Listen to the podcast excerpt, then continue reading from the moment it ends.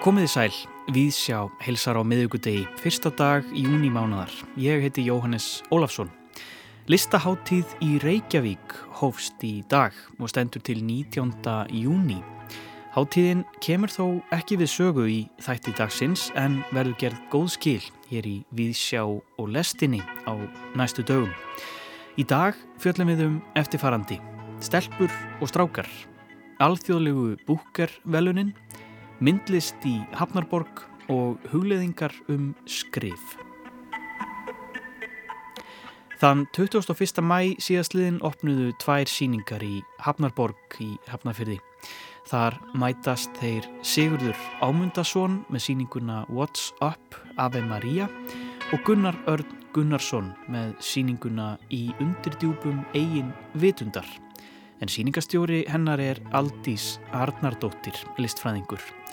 Vísjá kýtti í heimsókn í Hafnarborg í dag og tók þau Aldísi og Sigurð tali. Heyrum það hér í lokþáttar. Ég geri alltaf mitt besta til að kjósa rétt, en get þó varla sagt að svo ákverðun sé byggð á öðru en eigin innsægi, sem þýðir efalaust ekki annað en að ég kjósi nákvæmlega eins og búist er við af mér, í fullkomnu samræmi við mann í minni stöðu með mína mentun, minn bakgrunn og mitt eignarhald segir Björn Haldórsson í sjötta og síðasta pisli sínum hér í Vísjá. Í dag horfist Björn í augu við takmarkanu sína sem álitskjafi og pislahöfundur og endur nýjar kynnin við rittgerina hvers vegna ég skrifa eftir George Orwell. Í vonum að komast í bots í því hvað það var sem dreifan sjálfan út á rittvöllin. Heyrum af skrifum Björns hér á eftir. Við fáum einni leikúsgaggríni um einleikin Stelpur og strákar eftir breska leikskáldið Dennis Kelly sem fyrst var settur upp árið 2018 í Royal Court Theatre í London. Það er sviðslista hópurinn fullorðið fólk sem setur verkið upp í íslenskri þýðingu Mattíasar Tryggva Haraldssonar. Verkið var frumsýnt í Gablaraleikúsinu fyrir skemstu en er nú á flakki um landið. Nína Hjálmarsdóttir rínir betur í uppsetninguna hér síðar í þettinum. En við byrjum á fréttum úr heimi bókmyndana. Á fymtudag var greint frá því hver hlítur alþjóðlegu búker velunin í bókmyndum í ár. Það er viðkenning fyrir skaldskap þýttan á ennsku og í ár voru margar spennandi bækur á stuttlistanum, svo nefnda, fimm bækur alls. Cursed Bunny eftir kóreska höfundin Bora Chung, A New Name eftir hinn norska Jón Fosse, Heaven eftir Mieka Kawakami frá Japan og Elena Knows eftir Claudiu Pineiro þýttur spænsku. En velunahafinn í ár er indverski höfundurinn Gitanjali Sri fyrir skáltsuguna Tomb of Sand sem kom fyrst út á hindi árið 2018 og í ennskri þýðingu í fyrra. The winner of the 2022 International Booker Prize is Tomb of Sand by Gitanjali Sri, translated by Daisy Rockwell, published by Tilted Axis Press. Eins og hlustendur heyra hér brutust út mikil fagnaðalæti þegar tilkynnt var að Gitanjali Sri hafi hlotið þessi virtu velun. Gitanjali Sri er frá Indlandi og skrifar sínar bækur engungu á hindi og er þetta í fyrsta sinn sem þýðingur hindi fær alþjóðlegu búker velunin.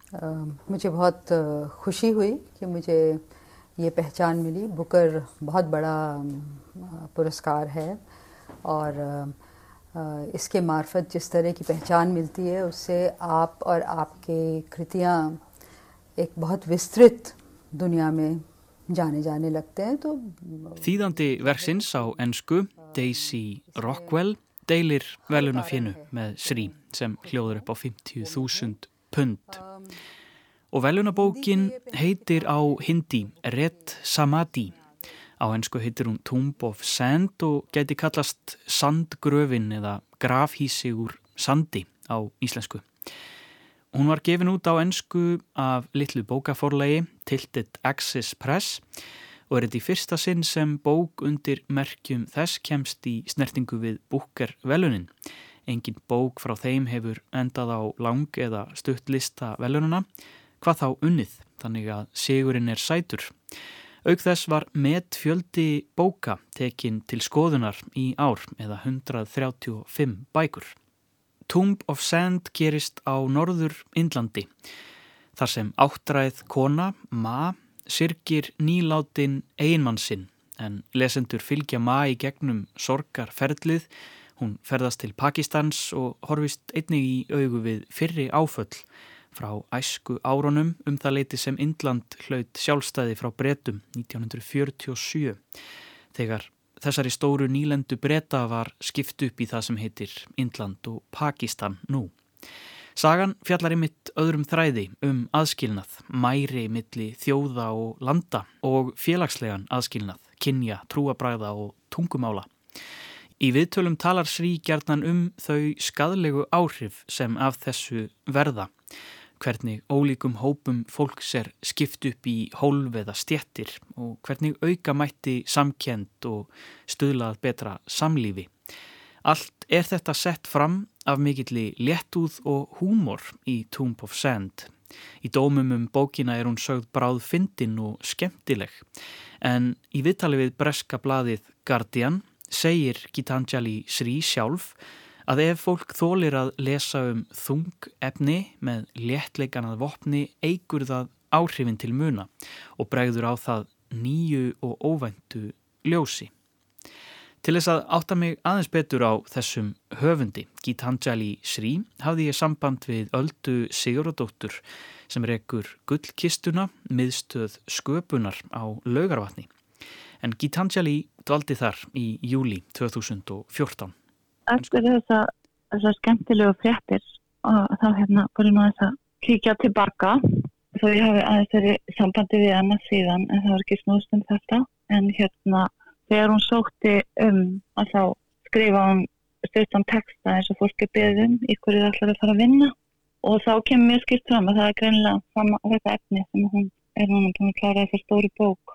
Þú hefur verið ánað að heyra þessar fréttir að hún hafi hlotið uh, alþjóðlegu búker velunin. Já, þetta er rosalega gaman þegar fólk hver velun fyrir veluninstörf og hérna hún uh, skildi eftir tvær af bókunum sínum hjá okkur enskar síðingar af tveim bókun næstu tveim á undan þessum þessari og hérna það, það er bara er algjörst konfekt sko. og það er bara oft að hugsa um eins og maður sé bara reyðið ykkur að gamla minningu sko og, en ég veit að hún leggur auðvitað greiðlega áherslu að skrifa bara á hindi. Hún er ekki komið nálægt í að skrifa öðru tungumáli. Og hún þykir mjög flink að fara með það. Gitanjali Sri hefur verið áberandi í bókmentalífinu á Indlandi undan farin ár en hefur hlotið minni alþjóðlega aðtikli þar til nú. Eftir hana liggja ekki margar skáltsugur, hún ver miklum tíma í að skrifa er nákvæm og kafar djúft í sögu efni sitt sem kannski skýrist að einhver leiti af bakgrunni hennar í sagfræði en Sri er með doktorspróf í greininni. Þessu til margs má nefna Tomb of Sand, velunabókin í ár, er dóðrandur heilar 735 síður. Alda segir að Sri hafi verið byrjuð að skrifa bókina þegar hún dvaldi hér á laugavatni árið 2014 en það var hérna einmitt gaman að lesa þetta sem að hún skrifaði um af hverju hún vildi koma til Ísland, svona þess að heistum Ísland og, og hérna og, og þetta verið gaman að fara á stað til að vinna sem að gefa manni næði. Og við vorum auðvitað að skaffa það og gera menn. En hún sagði frá því að alpersonan í, í bókinni sem hún væri að vinna í það væri nýjörðin ekki og svo uh, þá heldu allir í kringum hana að hún væri svona sagt, eins og hún væri að því hún væri svo harmislegin að þá var það að því að hún fráði svo mikið að sagt, vera einn loksins mm. og að komast í þögn þar sem hún geti jafnvel heilt grafsett vaksa. Hún var viss um það að náttúrann og svona einhvern veginn að þögnin og einleika þögnarinnar á Íslandi gætu, þú veist, bara gefið henni þetta til að halda áfram og gefi, þú veist, einhvern svona, já, ta talaði um sko að það veri kornið sem að rétta kornið í malarann. Tomb of Sand muni kjölfar alþjóðlegu búker velununa eflaust hljóta heims aðtikli og beina sjónum forvitina lesenda að Indlandi og málefnum sem tengjast samfélaginu þar. Alda segist vona að íslenski lesendur fáið að njóta verka Gitanjali Sri sem allra fyrst. En ég er bara vona og ég hef hugsað svo sem áður hvað verið geggjað að það verið þittar þessar bækur eftir hana og núna verið það vonið því gert og þá fáið hana kannski til að koma aftur til Íslands, þá verið þetta opbúrslega gaman. Þess að vera að vinni í þærri bókjörna það verið bara meira áttar þannig að ég við fyrir bara að vinni í því núna, Jónis. Já, er það ekki? Hækilega.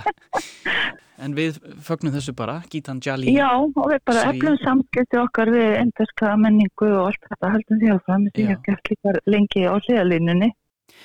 Já, vonum að indverst samfélag verði ekki á hliðalínunni mikið lengur eins og Alda Siguradóttir nefndi hér í lokin en hún saði mér frá indverska höfundinum Gitanjali Sri sem hlauti í síðustu viku alþjóðlegu búker velunin fyrir skáldsuguna og dóðrandin Tomb of Sand. Við vonum að þetta kveiki neista hjá íslenskum þýðendum sem kunna hindi. En næst á mælendaskrá er Nína Hjálmarsdóttir. Hún var í leikhúsinu eins og svo oft áður hér í Vísjá. Einleikur er form sem lifir svo sannarlega góðu lífi hér á landi og hefur frá landnámi, enda ástæða þess að ríkur sagna arfur íslensku þjóðurinnar gatt varðvist í mannaminnum fram að skrásetningu. Í samtíma okkar þá má nefna einleikja hátíðina Act Alone á Suðureyri sem hefur vakið mikla aðtegli en líka rými eins og kaffileikúsið sem ól af sér marga góðsagnakenda einleiki í og um aldamótin síðustu og hefur mótað einleikja menningu dagsins í dag. En einleikur er ansi praktíst form og kostnærlítið en um leið ein mest krefjandi tegund leiklistarinnar. Í síðustu vikur var frumsinning á einleiknum Stelpur og Strákar eftir breska leikskáldið Dennis Kelly. En það var fyrst sett upp árið 2018 í Royal Court leikusinu í London þar sem hinn fræga leikuna Carrie Mulligan leik aðhluturkið. Hér var það syngt í Gablara leikusinu í uppsetningu sviðslistahópsins fullorðið fólk en hinn ný útskrafaða Björk Guðmundsdóttir leik hlutverk konunar sem aldrei er nefnd á nafn.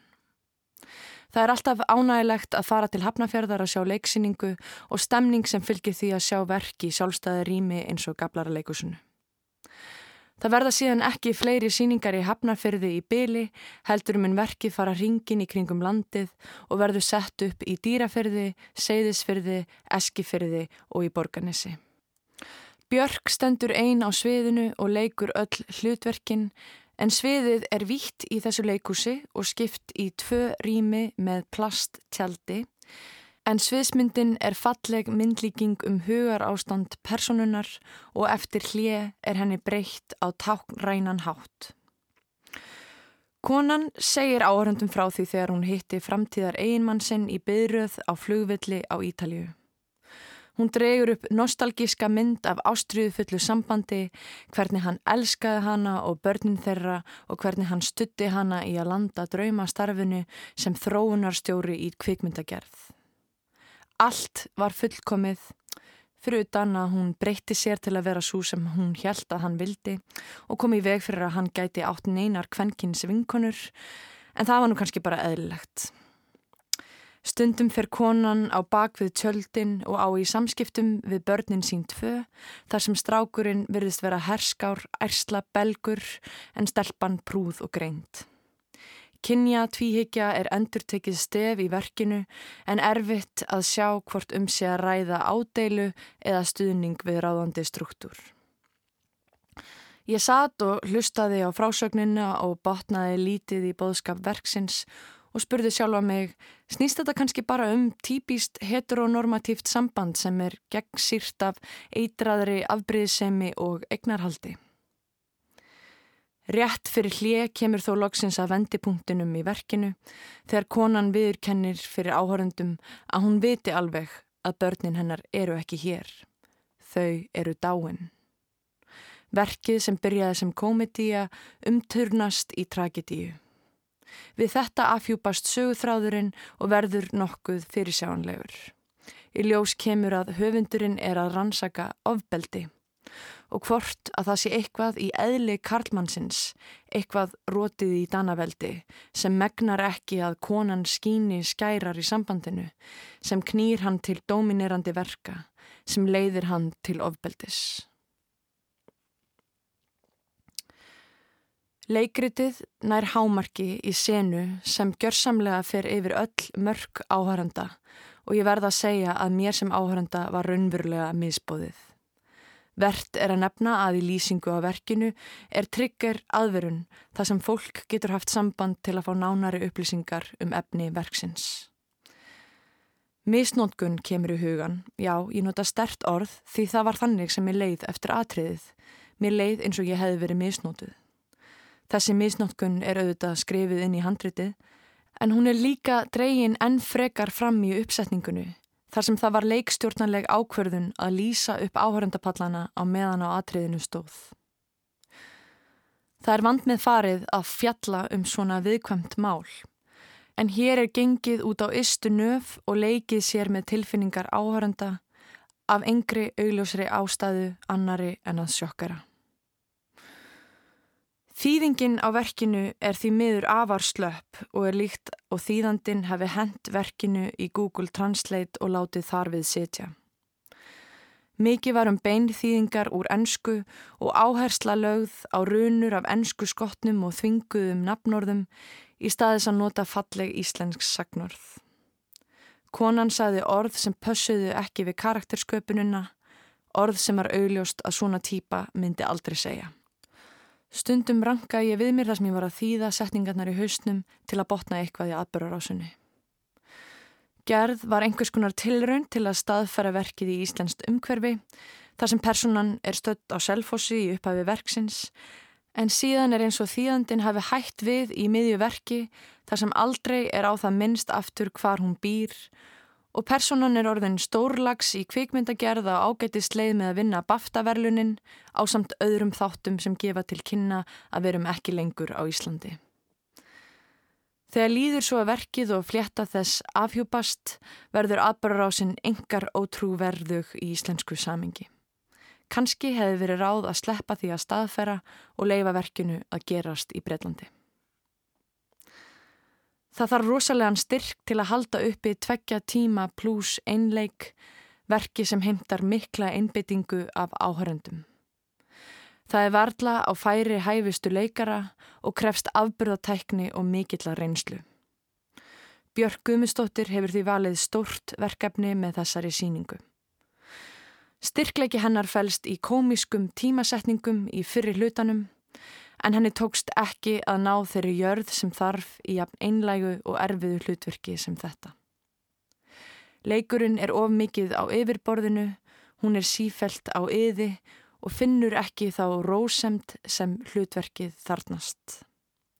Þó vinnur hún á þegar líður á verkið og í lokin nær hún að stíga betur inn í hlutverkið og snerta við áhörundum. Konan sem elskaði mannin sem var ekki til. Vankantar leikritsins skrifast þó ekki bara á uppsetninguna, heldur liggja líka í handritinu sjálfu. Leikritið er skrifað frá sjónarhortni konunar og býður því aðeins upp á einhæfa upplifun hennar. Verkið sínir því ekki þau blæbreyði eins og önnurverk sem körfast í kringum ofbeldi hafa og hér dettur mér sem dæmi í hugverkið Harmsaga sem var sett upp í þjóðleikusinu fyrir einhverjum árum en styrkleikur þess lági því hvernig það síndi áhörundum allan skalan í ofbeldinu út frá báðum aðilum þess, hvernig ofbeldið ágerðist þó ljóst væri hver framti á endanum hryllilegan glæp og hver ekki. Á einum tímapunkti í verkinu segir konan í stelpum og strákum að hún sé að sjálfsögðu bara að segja frá sinni hlið sögunar sem er mögulega tilraun leikskaldsins til að afvopna gaggrinendur en þessi staðhæfing minnir um leið á hversu takmarkandi sjónarhorn verksins er. Það er ánægilegt að sjá ný erlend verk sett upp af upprennandi sviðslistafólki og hvað þá að verki sé að fara að túra um landið. Hins vegar er nöðsynlegt að taka ekki stærri bita en hægt er að tyggja og verður að segjast að hópurinn hefur færst mikið í fang með því að velja svona krefjandi verk. Á sama tíma er verðt að spyrja sig hvaða erindi verk sem þetta hefur, verk sem gerir tilraun til að varpa upp spurningum um grimmilegustu ódæði sem karlmenn geta framið, en um leið brítur á áhörundum og framlengir þannig ofbeldið sem það vill berjast gegn. Sagði Nína Hjálmarsdóttir um síninguna Stelpur og Strákar. Og við ætlum að fá fleiri pisla Það er Björn Haldorsson sem flytur sinn síðasta pistil í Vísjá um eigin skrif. Þegar ég var spurður hvort ég hefði áhuga á að skrifa pistla sem erðu fluttir í útvarpi allra landsmanna, voru mín fyrstu viðbröð að segja nei. Ástæðan er einföld, ég er ekki sérlega pólitískur. Ég tapa flestum rifrildum og á almennt erfitt með að standa með eigin sannfæringu. Ég hugsaði sem svo að slíkur vindsokkur ætti ekkert erindi í útvarp og væri til lítils annars fær í pislaskrifum en að sökva sér í eigin sjálfkverfu. Það má kannski segja að ég hafi ekki haft alfarið rangt fyrir mér með það. Ég er nefnilega bæði heitlaður og forviða yfir færni samborgara minna til að meðtaka fréttaefni og snúa sér við á punktinum til að gera grein fyrir skoðunum sínum á málinu jafnvel í 140 stafabilum eða færri. Þegar kemur að því að mynda sér skoðun á málefnum líðandi stundar, þá er viðbrakstími minn hins vegar til háborunar skammar. Þegar aðrir setja hnefan í borðið og segja hvað þeim finnst, stend ég mig að því að humma og draga mig í hlið á meðan ég reyni að gera upp eigin tilfinningar.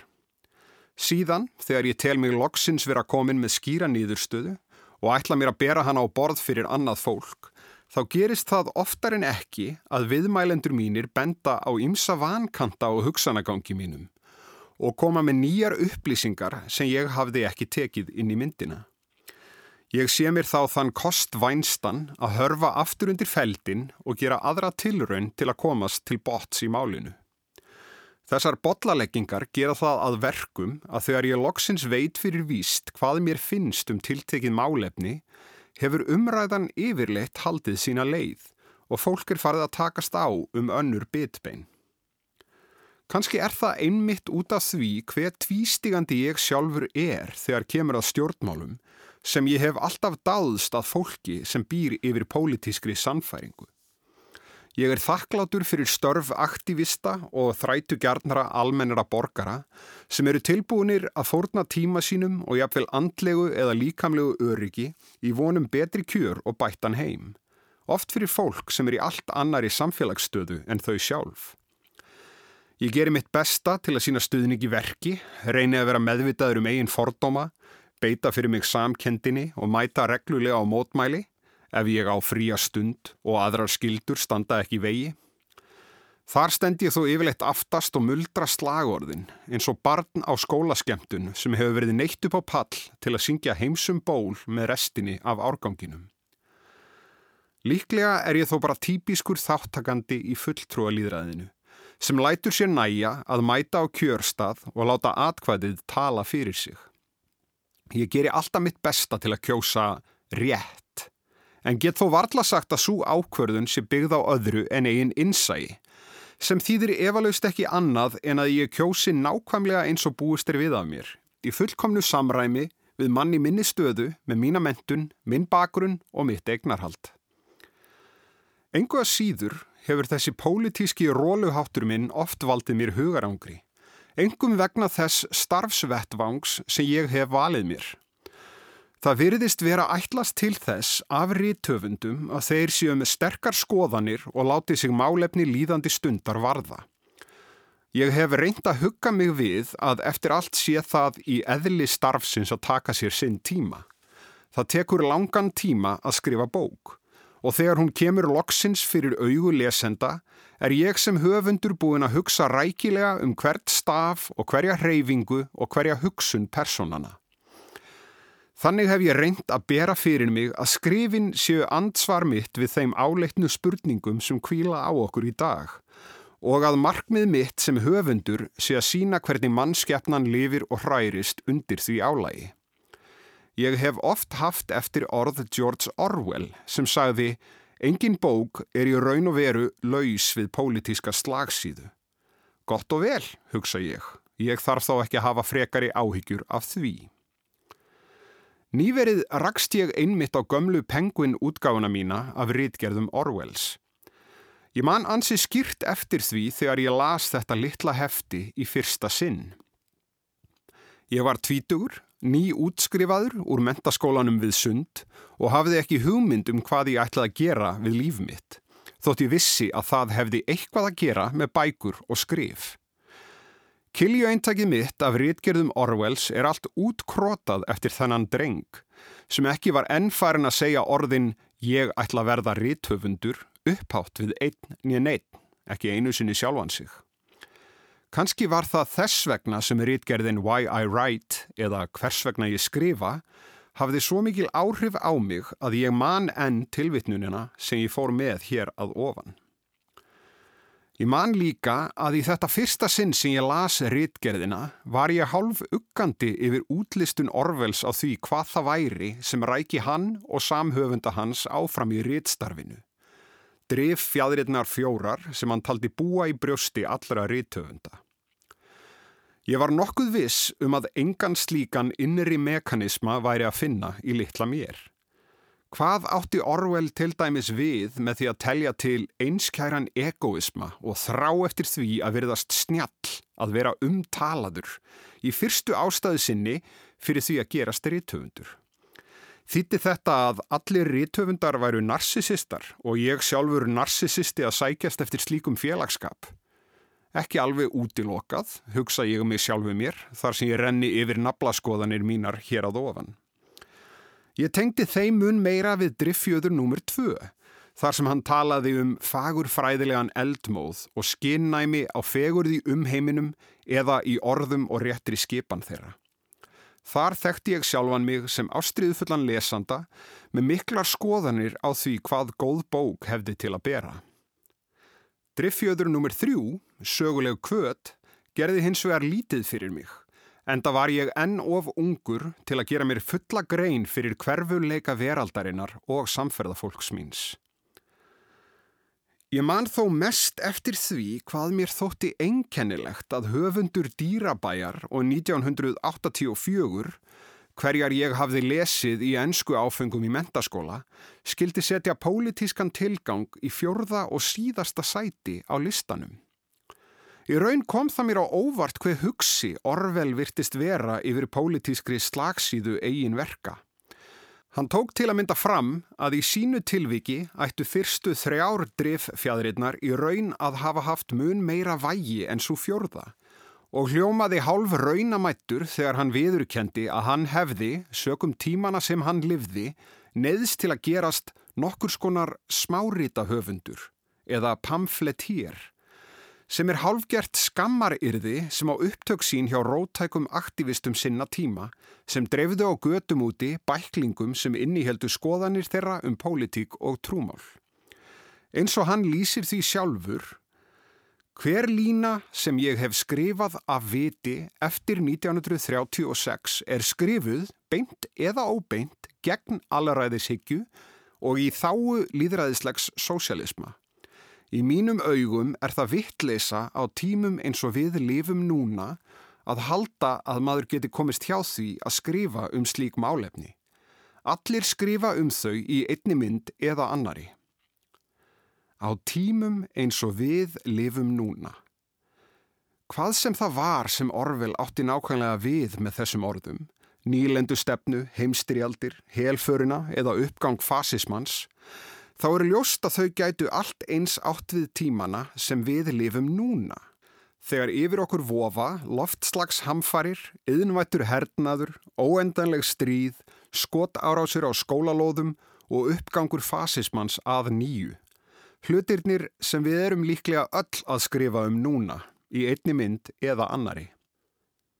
Þegar ég les yfir ástæðurnar fjórar sem Orvel telur upp fyrir því að gerast rittöfundur núna, 20 árum eftir að ég komst fyrst í tæri við þær, þá verð ég að viðurkenna að í þeim er að finna eitt og annað sem ég ber kennsla á í eigin skapgerð og verkum. Engu að síður finnst mér ég engu nær því að skilja af hverju ég valdi að skrifa. Ég býst við að ég verði því bara að halda áfram að krossa fingur og vona að það búi einhverjar góðar og gildar ástæður að baki því. I ran down the road Pants down to my knees Screaming please come help me. That Canadian shaman gave a little too much to me And I'm writing a novel. Because it's never been done before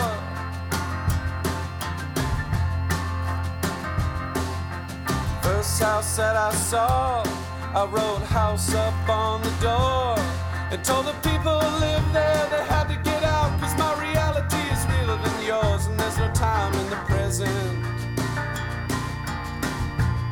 And there's a black dog on the bed.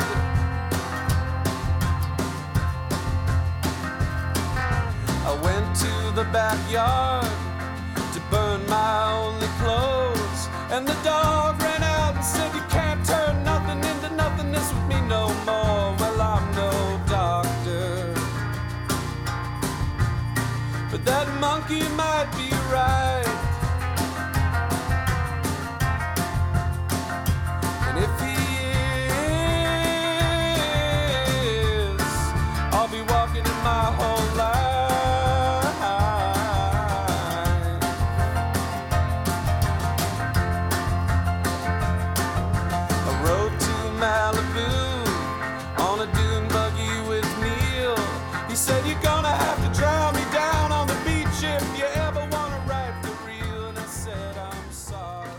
Father John Misty og lægið I'm Writing a Novel, ég er að skrifa skáltsögu, af plötunni Fear Fun frá 2012.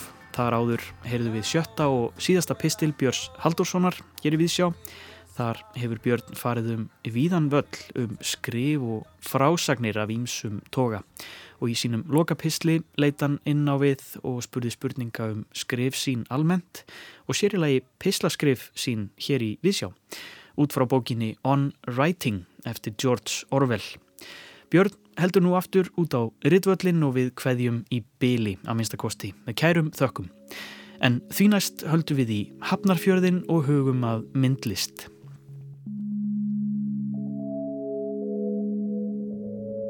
Ég hafði aldrei heyrt Gunnars Arnar getið áður og ég held að margir að minni kynnslóð þekkja hann ekki ætla að byrja bara svona opið og vítt bara hver er Gunnar Örn Gunnarsson?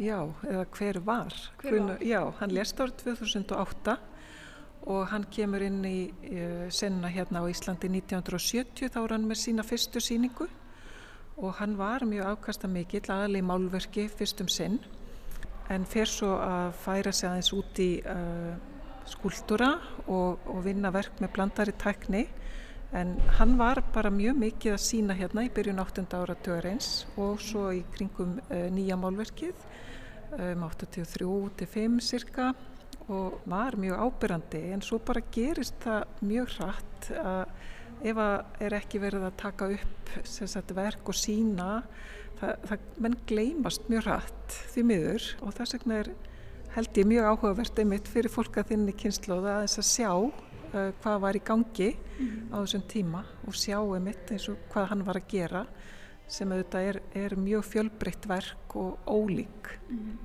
Einmitt, og þetta er svona nokkur konar yfirlitssýning, ekki satt? Eða þetta eru verk frá öllum ferli Gunnars, þetta spannar svona ríflega 40 ára tímabil. Já, það er rétt. Við erum með verkina frá því bara um 1970 eða 71 sennilega elstu verkin og svo frá 2008 þá uh, árið sem hann lést. Já, að lappa hans um Já. síninguna.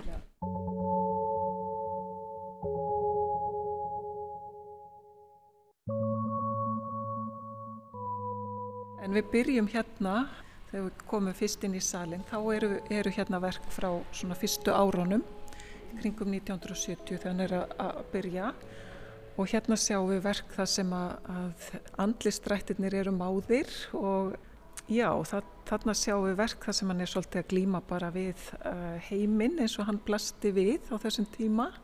Húnum er umhugað um sagt, uh, þessa tilvista spurningar. Hann er að hugsa kannski um þetta þegar maðurinn einhvern veginn er búin að slíta sig frá náttúrunni mm. og, og hérna, þetta er auðvitað tímar þessi margt er í gangi, mm. 68 tíma, tíminn og, og þar í kjölfarið. Þannig að hann er að hugsa um einhvern veginn hvernig maðurinn er svolítið búið aftengjast uh, náttúrunni og þessi hraði í nútímanum mm. og, og þannig útskýrði hann sjálfur þessar uh, manneskjur sem eru nokkur neginn svona án andlistrátt og ekki neina svona þekkjarlega fyrirmyndir mm. að þessum verkum, þessum portréttverkum. Nefna þessi sjálfsmynd þarna? Já, einmitt. Það er einn sjálfsmynd, hann gerði svolítið að sjálfsmyndum, að nokkrar, allavega hef ég reykist á nokkrar og þannig er einn svona mætimanni hérna í byrjun þegar hann er ungur myndlistamæður að byrja sem feril. En að því hún lefnir náttúruna, það er einmitt svona í þessum verkum kannski þegar líður hans á ferilinn, að það eru svona þetta eru næstu því eins og einhvers konar eða sérstaklega þessi þarna það er einhvers konar svona kynja skeppnur og skrimsli og svona órætt landslag mm -hmm. er það einhvers konar svona höfundar enginni hans? Já, ég held að þetta séu verkin sem að flestir þekkja eftir Gunnar Örn uh, hann fór til Fenea 1988 og þá var hann að sína mitt verki þessum dúr þar sem að er komin þessi ormur eða þessi skeppna sem er sko uh, svona tvíkinja stundum sem kallmaður og stundum hvern maður mm -hmm. eða hvern vera og hans er satt hafði orði fyrir andleiri uppljómun uh, 86 uh, þá lýsir hann því bara hann hafi verið í miðbæri Reykjavíkur og, og bara orði fyrir andleiri uppljómun og í kjölfarið þá fannst honum hann þurfa að komast í nánari tengsl við náttúruna. Þannig að í kjölfari flytur hann með fjölskyldunni sinni að kampi á þjósabökkum og til að vera bara alveg í þessum tengslum, eh, einni til að fá bara betra rými. Og þá kemur fram þessi breyting í myndmálinu hjá honum. Og þá fyrir við að sjá þessi verk. Fyrst það sem að, við sjáum uh, þessa verur í landslægi mm. og svo aðeins setna þar fara uh, maður og þessar kynjaverur að renna inn í landslægið. Já, skeppnurnar og klettarnir einhvern veginn taka á sig einhvers konar andlit og eins tenging yfir í skuld, steinskúldurinn sem er hérna fyrir framann. Mm -hmm. Þannig að hann er að vinna í raun, raun og veru með sama viðfóngsefnið í stein, það sést að höfka út og eins í málverkinu. Þannig að verða svona einhvers konar samrunni manns, náttúru og dýrs. Já, nákvæmlega. En svo vakti líka áhuga minna að lesa hann, hann var sjálf lærður, myndlistamæður mm -hmm. og náði gríðarlega miklum árangri var þarna í samstarfi við Gallery to New York mm -hmm. sem eru bara draumur margra íslenskra myndlistamanna Já. Hvaða þýðingu hafði það fyrir myndlistamanna á þessum tíma? Það hefur auðvitað haft gríðarlega mikla þýðingu fyrir hann á þessum tíma hann var bæði sagt, á, á mála hjá Stalkagalleri í Damurku og svo hjá Achim Möller í New York sem að, að var með þekkt og er þekkt galleri Uh, þannig að hann er þar uh, á svipun tíma í raun og veru og hann er að fara til Fenea, þá er hann með síningar í New York. Mm. en, en svo bara taka andlegu málinn svolítið yfir hjá honum. Og uh, það skipta hann kannski ekki máli endilega að vera frægur eða vera hjá þekktu galleri lengur mm. og þá fyrir við að sjá bara verður önnur kúvending bara um kringu 2000 að þá fyrir hann að gera verk sem eru mun einfaldari og þá er uh, kannski bara einn punktur eða nokkru punktar á verkonum og þá er hann bara komin í alltaf þar hugleðingar mm -hmm. farin að leita enn meira inn á við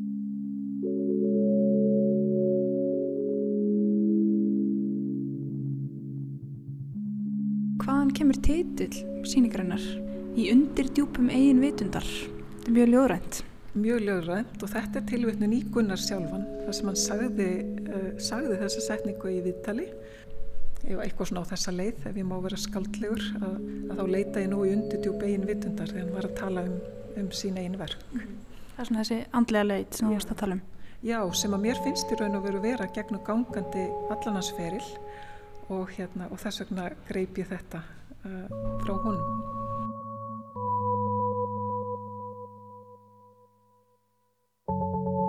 Mér langaði líka að spyrja því hún nefndi nýja málverkið áðan, við erum kannski að fara aftur í tíman.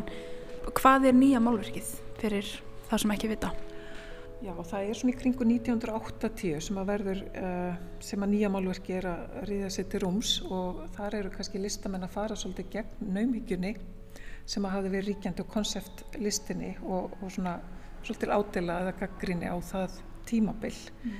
Það mennur að leggja aftur áherslu á, á sjálfstæðum e, einstaklingin, sagt, bara svona sjálfsmeðvitund og, og, já, og fíkuran fær aftur svolítið vægi í, í myndlistinni. Og myndir þú segja að væri svona sambarlegar umræður í gangi um málverkið í nútímanum? Nú er oft verið að ræða um stöðu málverksins mm -hmm. í samtíma myndlist.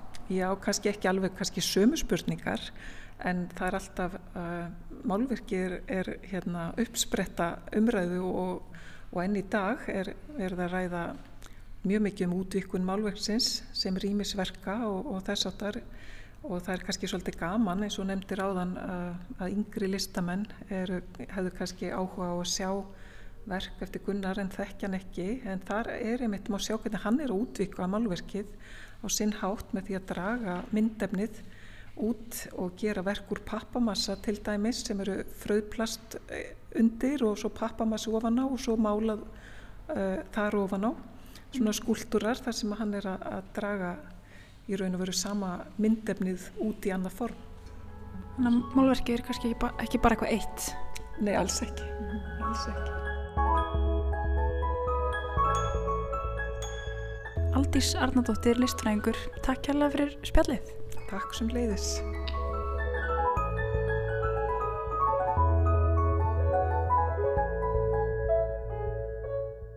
Já, nú er ég komin hingað á neðri hæðina í Hafnborg Viltu kannski bara byrja á því að, að kynna þig? Ég heiti Sigurður Ámundarsson og er myndlistamær Og þetta er síningin What's Up Ave Maria Byrjum kannski bara á þessum titli hvaðan kemur þessi titill?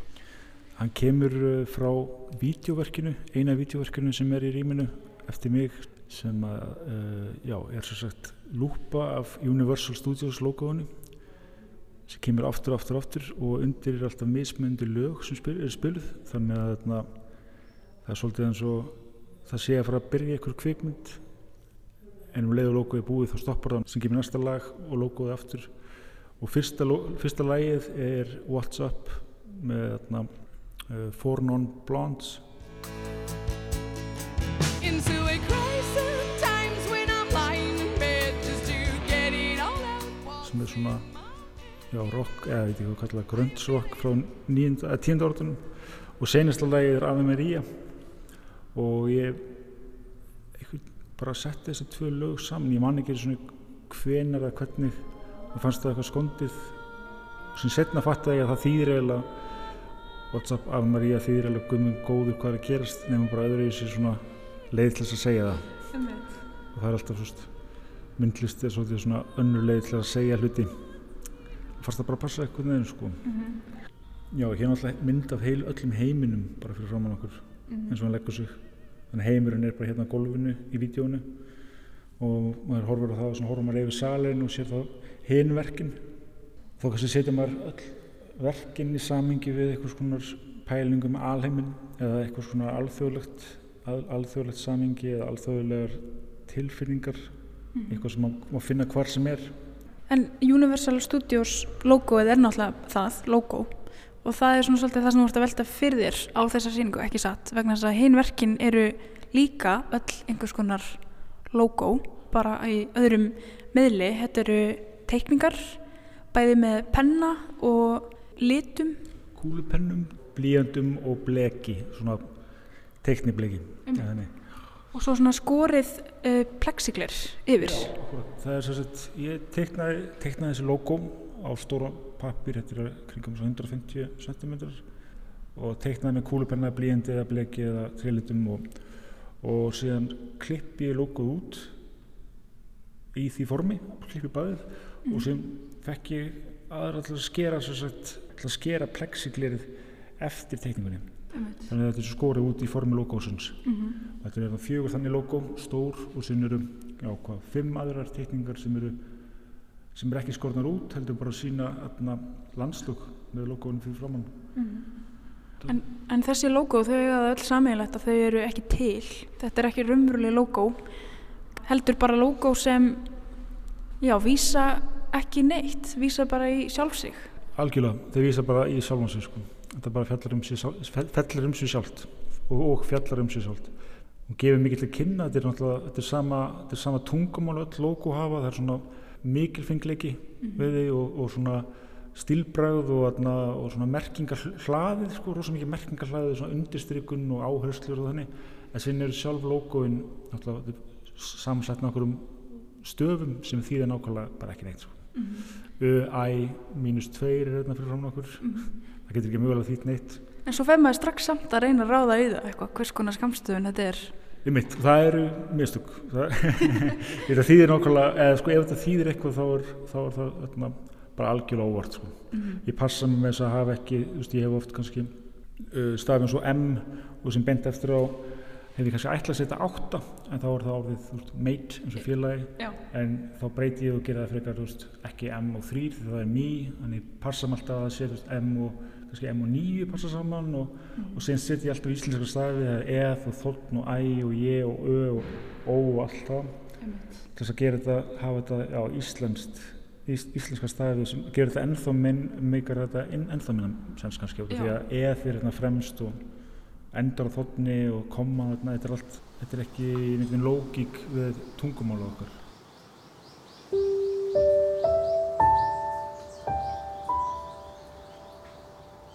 Logo er náttúrulega bara tátt, tátt fyrir eitthvað og merking fyrir eitthvað og merkingin er náttúrulega bara engin, eða þú veist það er, það er engin eiginlega merking þannig að það er undir þér komið eins og með alla list undir þér komið ákveða hvað það fjallar um eða hvort það fjallar um eitthvað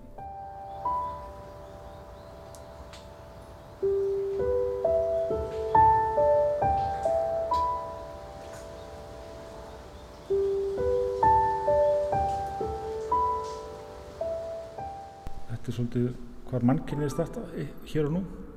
Logo getur verið tákmynd fyrir nútíman mm. ég reyna að forðast svona nostalgíður og þannig og að reyna bara að tala um 2022 þetta eru áhugaverið tímar og, og þegar fólk áttur að leita á internetinu eftir 40 ára, 50 ára því myndli sem var 2022 eða kvikmyndir eða þannig það viljaði ekkert sjá okkur vera með eitthvað nostalgíðu fyrir tíunda áratöðunum eða áttunda áratöðunum þau vilja frekar bara sjá þennan áratug því þau verða með nostálgíu fyrir þessum áratug. Mm -hmm. þannig að ég ætla bara að reyna að tólka þessa tíma. Að vísu er það líka svolítið, svolítið kaldaninslegt og því ég er líka að í verkunum mínum er ég ofta að tala um einhverja minningar sem ég hef frá tíunda áratugum sérstaklega.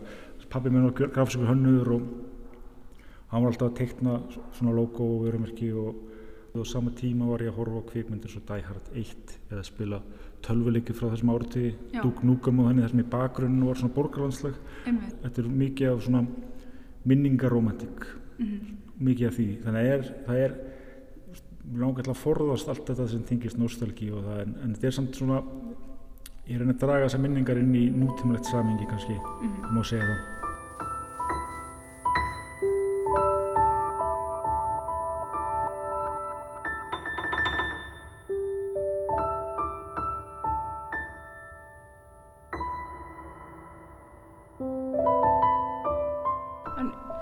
það er svona orðið svolítið enginandi fyrir þig þessi miðill teikningarinnar. Þú vinnur mjög mikið með kúlupenna og tréliti.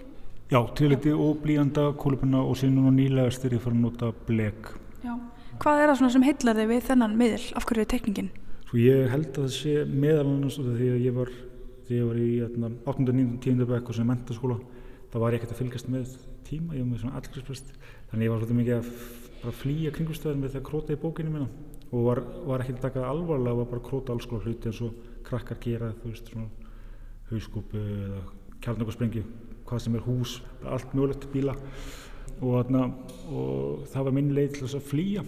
Og ég notaði þessi veist, blíjanda og kúlupina aðala og síðan einhvern veginn bara fattaði ég að ég hefði, þetta var með svo eðlis, eðlismyndi sko, mm. því ég hætti að klára myndlistaháskólan 2012 þá var ég bara rosa mikið að gera það, var að hanga á kaffehúsa með börum og með, með vinum og var að króta og sem fóði taka þær þessi tekningar sem er meira alvarlegri.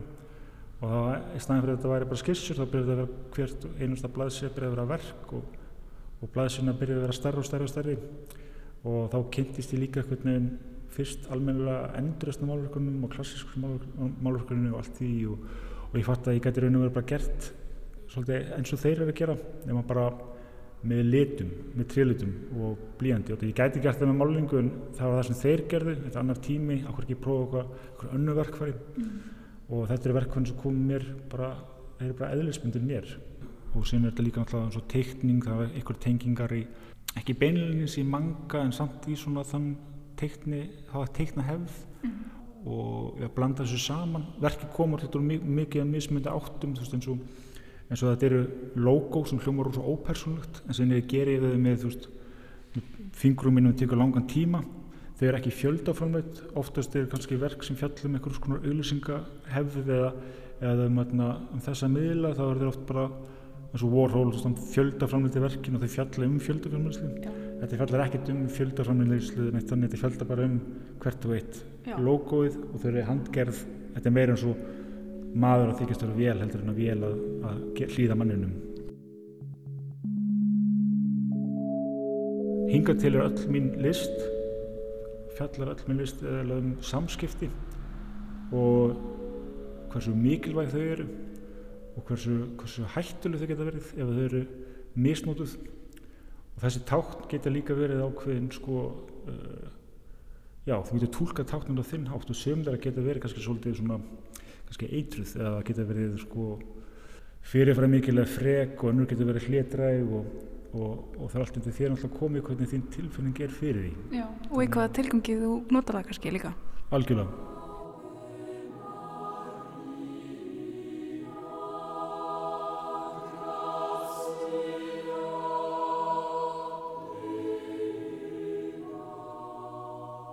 Það var Melkorka Gunnborg Bræjansdóttir sem þarna fjallaði um tvær síningar sem standa í Hafnarborg, What's Up Ave Maria og í undirdjúpum eigin vitundar en þær opnuðu fyrir réttrúmir í viku.